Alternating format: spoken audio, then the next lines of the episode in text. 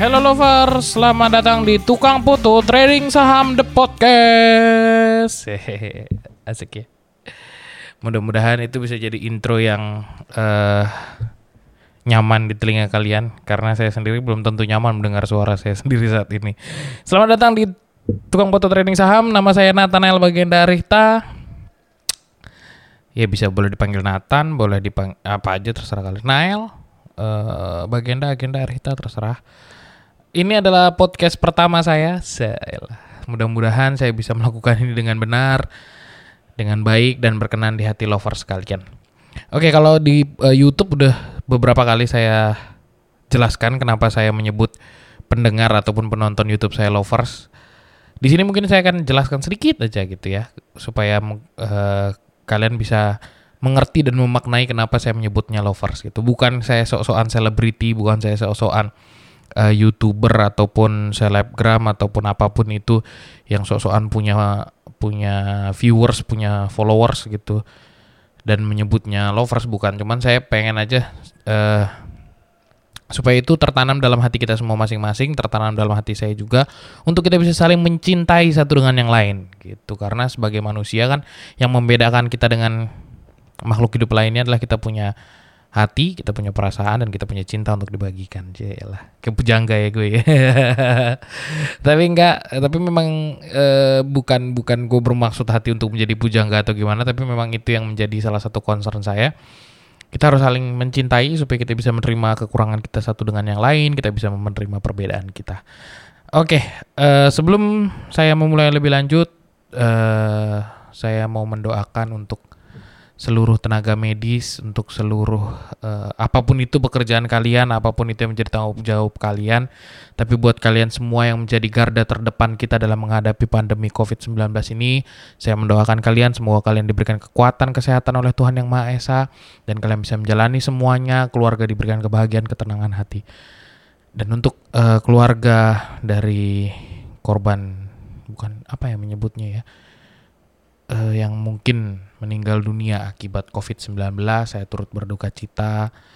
Eh, Kita semua bersama menanggung ini. Saya harap kalian semua diberikan eh, ketenangan, diberikan keikhlasan, dan biarlah kita doakan pasien-pasien lain yang masih mungkin terduga COVID-19 ataupun sudah dinyatakan positif COVID-19 segera sembuh, segera lewat dari masa kritis dan kita semua bisa melewati pandemi COVID-19 ini dengan baik untuk pemerintah Indonesia. Ayolah Bapak-bapak Ibu-ibu sekalian, mari mulai lebih serius lagi menanggapi semuanya dan mari kita sama-sama melewati ini semua dengan gagah dan menjadi seorang pemenang. Oke, that's being said. Jadi eh, kalau mungkin ada yang udah eh, subscribe asik ya. Subscribe padahal honest, subscriber saya di di YouTube cuma sekitar 27 kayaknya saat ini atau mungkin 25. Tapi pede banget akhirnya di YouTube aja lu nggak sukses ngapain lu bikin soal bikin podcast sih gitu. nggak apa-apa lah. Daripada nganggur ya kan WFH di rumah mulu, proyekan juga nggak ada, kerjaan nggak ada. Trading doang yang masih ada. Makanya saya bikin podcast ini Tukang foto trading saham seperti yang ada di YouTube. Saya mengaku diri saya adalah tukang foto. Saya menyandarkan hidup saya di fotografi. Terus saya juga menjadi seorang trader entusias gitu ya. saya suka sekali dengan dunia pasar modal walaupun tidak pintar gitu. Jadi kalau mungkin ini kan masih banyak analis-analis lain, masih banyak eh, pegiat-pegiat pasar modal lain yang jauh lebih pintar tapi saya adalah salah satu yang sangat apa ya?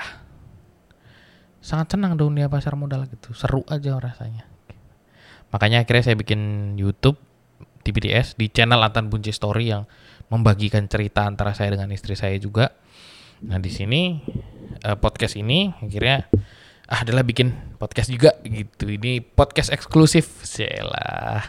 rencananya podcast ini akan keluar setiap hari Sabtu dan yang keluar di podcast ini adalah eksklusif jadi bukan eh bukan materi yang saya keluarkan juga di YouTube. Jadi di YouTube nanti tetap ada TPTS tapi mungkin materinya berbeda dengan apa yang saya keluarkan di podcast. Mungkin. Masih mungkin ya. Jadi kalau ntar buntu-buntu juga paling disamain mentok-mentok. Oke lover jadi gini. Kita tahu selama masa pandemi COVID-19 ini pasar modal kita Kalau mungkin ada yang sudah menjadi pegiat pasar modal ataupun ada yang sudah menjadi milik menjadi investor di pasar modal, pun juga punya akun sekuritas gitu ya, pasti tahu bagaimana bahwa bagaimana bahwa I'm not really good at Indonesian. Asik. Sombong buat. Jadi bagaimana kalau kita lihat uh, dunia pasar modal kita sudah terkoreksi cukup tajam sampai pada hari ini, ini hari pada saat podcast ini direkam adalah hari Jumat tanggal 24 uh, April 2020. Oh iya, sebelum kita lanjut, sebelum saya memberikan datanya, sebelum saya ngomong lebih lanjut, saya mengucapkan selamat memasuki bulan Ramadan untuk sahabat-sahabat saya yang muslim, selamat menikmati bulan Ramadan, selamat menunaikan ibadah puasa, semoga uh, puasanya bisa menjadi amal ibadah. Dan ya saya juga turut mohon maaf mungkin bulan Ramadan ini tidak seperti menyenangkan bulan-bulan Ramadan sebelumnya karena pandemi ini. Tapi saya harap semuanya bisa memaknai bulan Ramadan ini dan menikmati bulan Ramadan ini dan menjadikan diri yang lebih baik ke depannya. Oke. Okay. Nah, oke okay, kembali lagi uh, per tanggal 24 April 2020 ini uh, IHSG kita atau indeks harga saham gabungan kita berada di posisi 4.496 rupiah yang artinya sudah selama bulan Januari sampai April ini minusnya itu kurang lebih sudah minus 28 persen, kurang lebih 28 persenan dengan net foreign sale jadi uh, selama bulan April ini ya net foreign sale-nya itu kurang lebih sudah di atas 17 triliun gitu. Jadi kalau kalau net foreign sale itu berarti uang-uang asing yang ditarik net gitu. Jadi ada juga yang beli, tapi ada juga yang narik gitu. Nah, selisihnya itu net foreign sale-nya gitu. Jadi kalau ada kalau misalkan lebih besar uang yang masuk daripada uang yang keluar berarti namanya net foreign buy. Nah, karena lebih besar uang yang keluar, jadi namanya net foreign sale yang kurang lebih lebih kayaknya sih lebih di atas 17 triliun. Uh, rupiah ya, di atas 17 triliun rupiah yang keluar. Nah, uh, kalau kita tahu kemarin di akhir Maret itu dahsyat-dahsyatnya pasar modal kita terjerembab karena memang di situ kayaknya mulai heboh ya. Kalau sebenarnya kan COVID ini kan sudah di, di di China kan sudah mulai bulan Desember kan, Desember 2019, lalu masuk ke Indonesia, sorry, mulai menyebar itu awal tahun 2020. Jadi mulai dari pertama di China, di Wuhan ya, yang yang beritanya itu. Kemudian awal 2020 mulai menyebar keluar dari Wuhan, eh, Indonesia, pemerintah Indonesia menyatakan diri waktu itu adalah kita aman, kita aman dari COVID gitu. Karena berdasarkan pengalaman di SARS dan flu burung ya di 2000 ya di tahun-tahun sebelumnya bagaimana kita eh, aman dan tidak terjangkit.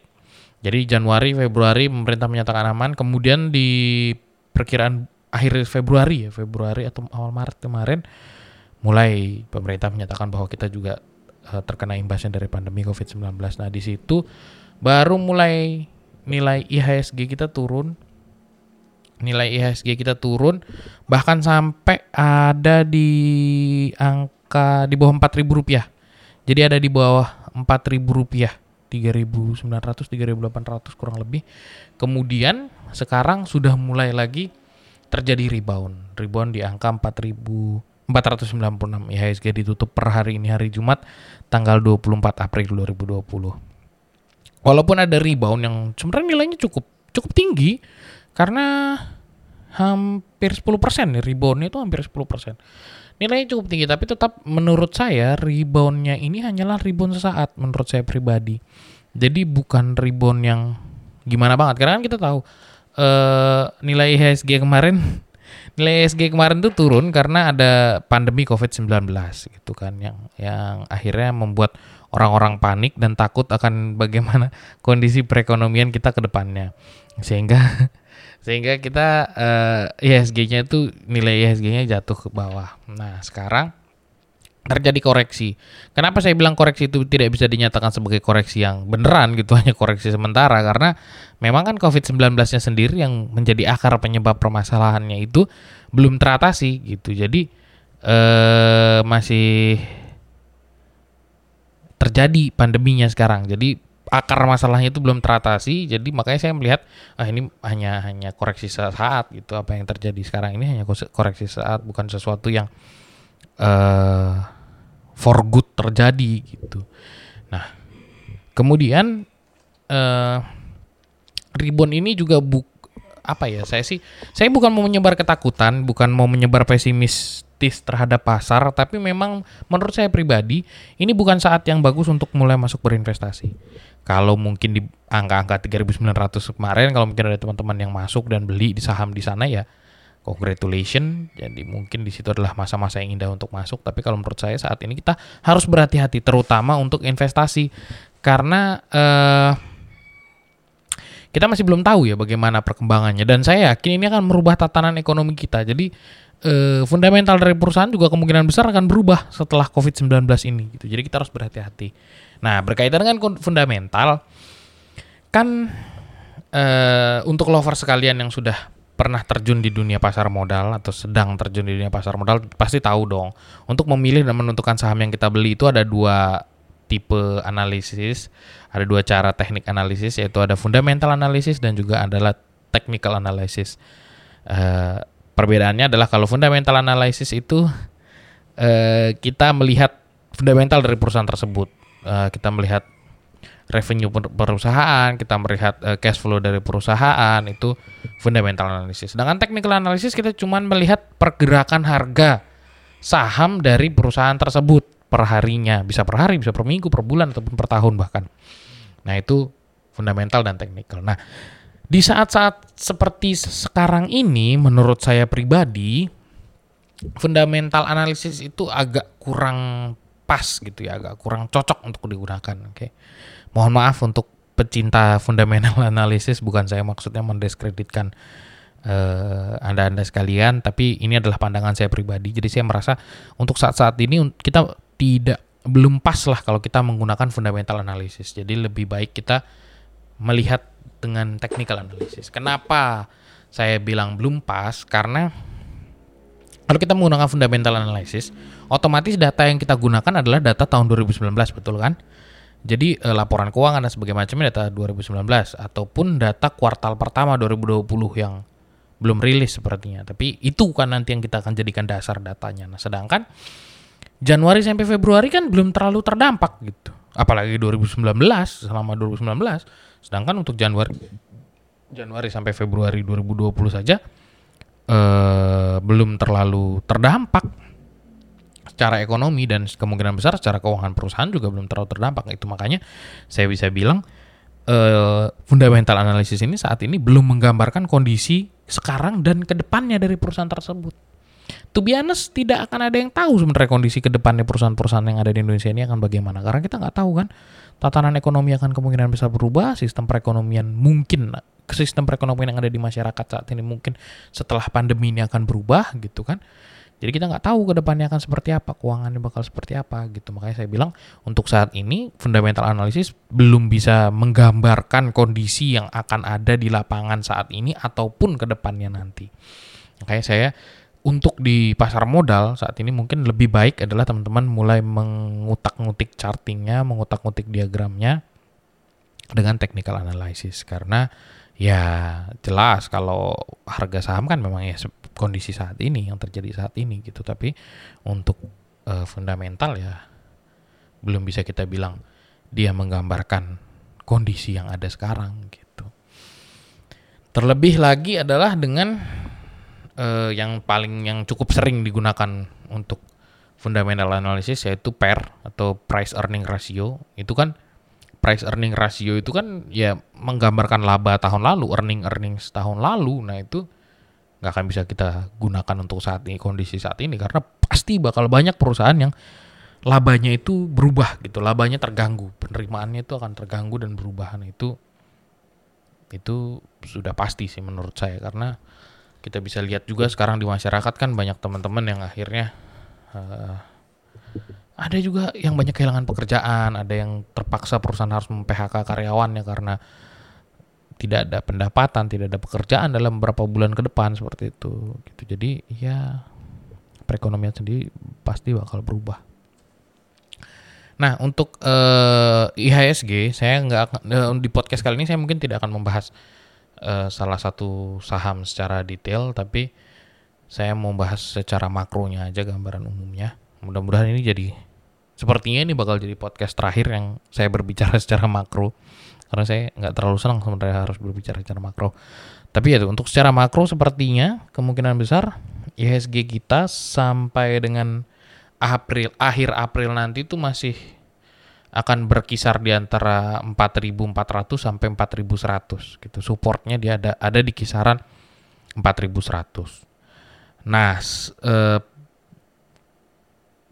kalau misalkan pandemi ini akan terus berlangsung, terutama di Indonesia dan ke depannya akan semakin terjerembab gitu ya uh, perekonomian Indonesia, kemungkinan besar sampai akhir tahun ini IHSG kita bisa-bisa ada di angka di bawah rp rupiah gitu. Jadi ada di bawah rp rupiah.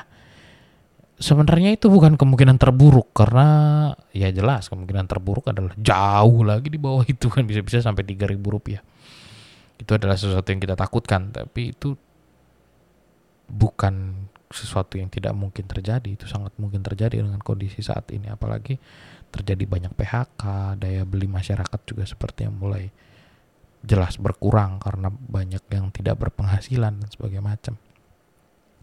Seperti itu. Nah kita harapkan semuanya berjalan baik dan semuanya bisa uh, mengatasi apa melewati masa-masa ini dengan baik.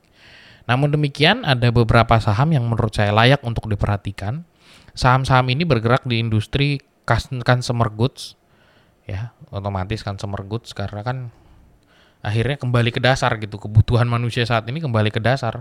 Benar-benar kesandang pangan papan gitu. Bahkan lebih berfokusnya kepada pangannya. Karena untuk menunjang kehidupan kan kalau sandang dan papan mungkin sudah ya sebagian besar dari kita sudah ada yang memiliki gitu. Yaudahlah pakai baju yang ada saat ini tinggal di rumah yang ada saat ini. Akhirnya banyak orang akan berfokus kepada pangan kan.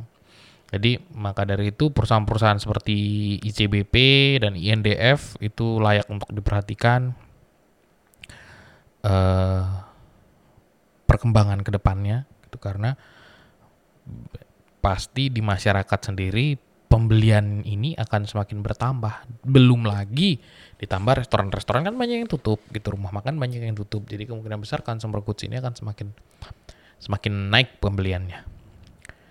Oke, kemudian industri farmasi. Ini sesuatu yang luar biasa. Industri farmasi ada KLBF, Kalbe Farma, ada juga Sido Muncul. Sebenarnya saya sih tidak di, Sido Muncul ini bukan termasuk kepada industri farmasi ya, tapi dia juga bergerak di bidang kesehatan juga sebenarnya di masyarakat Indonesia ini karena dia kan berkaitan dengan jamu-jamuan.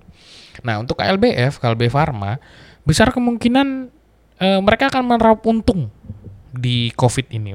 kesannya mungkin jelek ya meraup untung tapi enggak e, memang itu yang kita butuhkan karena namanya industri obat-obatan ya itu yang kita butuhkan memang obat-obatan gitu jadi KLB Pharma kemungkinan besar mereka adalah salah satu perusahaan yang meraup keuntungan asalkan asalkan bahan baku mereka untuk produksi bisa terpenuhi jadi selama mereka punya bahan baku untuk produksi produksi mereka tidak terkendala dan penjualan mereka bisa dipastikan akan baik gitu apalagi untuk Eh, produksi-produksi vitamin. Kalau saya nggak salah, Kalbe Pharma ini adalah salah satu importir vitamin dari Australia. Gitu. Jadi selama, tapi tetap harus digarisbawahi adalah selama produk eh, bahan bakunya itu terjamin gitu itu harus tetap digarisbawahi ya. Jadi selama bahan baku terjamin, saya rasa nggak akan ada masalah untuk mereka dan malah kan mereka akan meraup keuntungan di tengah pandemi ini. Sido muncul juga demikian. Kalau Sido muncul ya lebih kepada uh, pola hidup ya gaya hidup masyarakat Indonesia yang yang yang sebagian besar sangat bergantung sekali kepada jamuan gitu untuk menjaga kesehatan tubuhnya. Jadi sebagian besar banyak yang merasa oh uh, minum jamu ini, jamu ini supaya kita bisa jaga kesehatan tubuh supaya tetap prima, tetap fit dan sebagainya macam gitu. Jadi kemungkinan besar mereka juga akan uh, meraih keuntungan karena pem, uh, penjualan mereka bisa dibilang bakalan bagus karena orang-orang kan sibuk untuk menjaga kesehatan dengan dengan minum jamu dan sebagainya macam. Tetap tapi tetap sama uh, catatan kakinya adalah sama seperti Kalbe Farma, mereka harus bisa memenuhi kebutuhan bahan bakunya supaya bisa berproduksi dan menghasilkan penjualan tentunya. Gitu. Jadi gitu lovers. Uh, update-nya, C lah untuk TPTS-nya. Jadi tetap semangat teman-teman semua, trader-trader semua yang bertrading saham, yang berinvestasi di pasar modal. Saya yakin ini semua bisa diatasi, ini semua bisa dilewati, uh, dan kita semua bisa bersama-sama memandang ini sebagai satu pelajaran bagi kita, dan semoga kita bisa memetik hikmahnya dalam semuanya ini. Uh, stay safety, stay home, stay healthy, jangan lupa cuci tangan, makan makanan yang sehat dan berjemur ya kan ada saran dari pemerintah juga berjemur. Kurang-kurangin keluar rumah kalau memang tidak perlu-perlu banget dan kalaupun harus keluar rumah jangan lupa pakai masker, masker kain, masker masker medis janganlah ya, masker medis biarkan digunakan oleh petugas-petugas medis kita supaya mereka juga aman dan terlindungi. Jadi gunakan masker kain, bawa hand sanitizer. Kalau ada hand sanitizer kalau nggak ada hand sanitizer bawa sabun cuci tangan bawa air gitu. Saya sendiri ada saya punya hand sanitizer gitu kan. Uh, disediakan hand sanitizer. Tapi saya kira saya merasa lebih aman dan lebih nyaman menggunakan sabun cuci tangan. Jadi saya ke mana-mana bawa air dan sabun cuci tangan walaupun hanya satu botol misalkan. Dan sabun cuci tangan yang kecil gitu untuk dibawa dan digunakan di mana pun. Dan di mana pun ada wastafel saya berusaha untuk cuci tangan kalau saya sedang keluar rumah gitu. Jadi stay safety, stay healthy, keep love each other. Jangan lupa berbagi, perhatikan sekeliling kita kalau mungkin ada yang membutuhkan. Oke. Okay? Sekian dulu podcast dari saya. Sila. Gue sebenarnya nggak tahu gimana ya closingan orang-orang di podcast ya. Dengerin podcast sih, cuman kayaknya so far yang yang saya tahu closingan di podcast itu nggak yang nggak yang gimana gimana banget ya kayaknya nggak apa nggak pernah yang kayak lebay atau gimana kan kalau di YouTube kan suka ada tuh yang closingannya lebay. Nggak pernah yang kayak gitu jadi cuman kayak oke okay, oke okay, tiba-tiba tes hilang gitu doang kan. Ada ininya terus tahu-tahu hilang suaranya jadi gitu oke okay, bye bye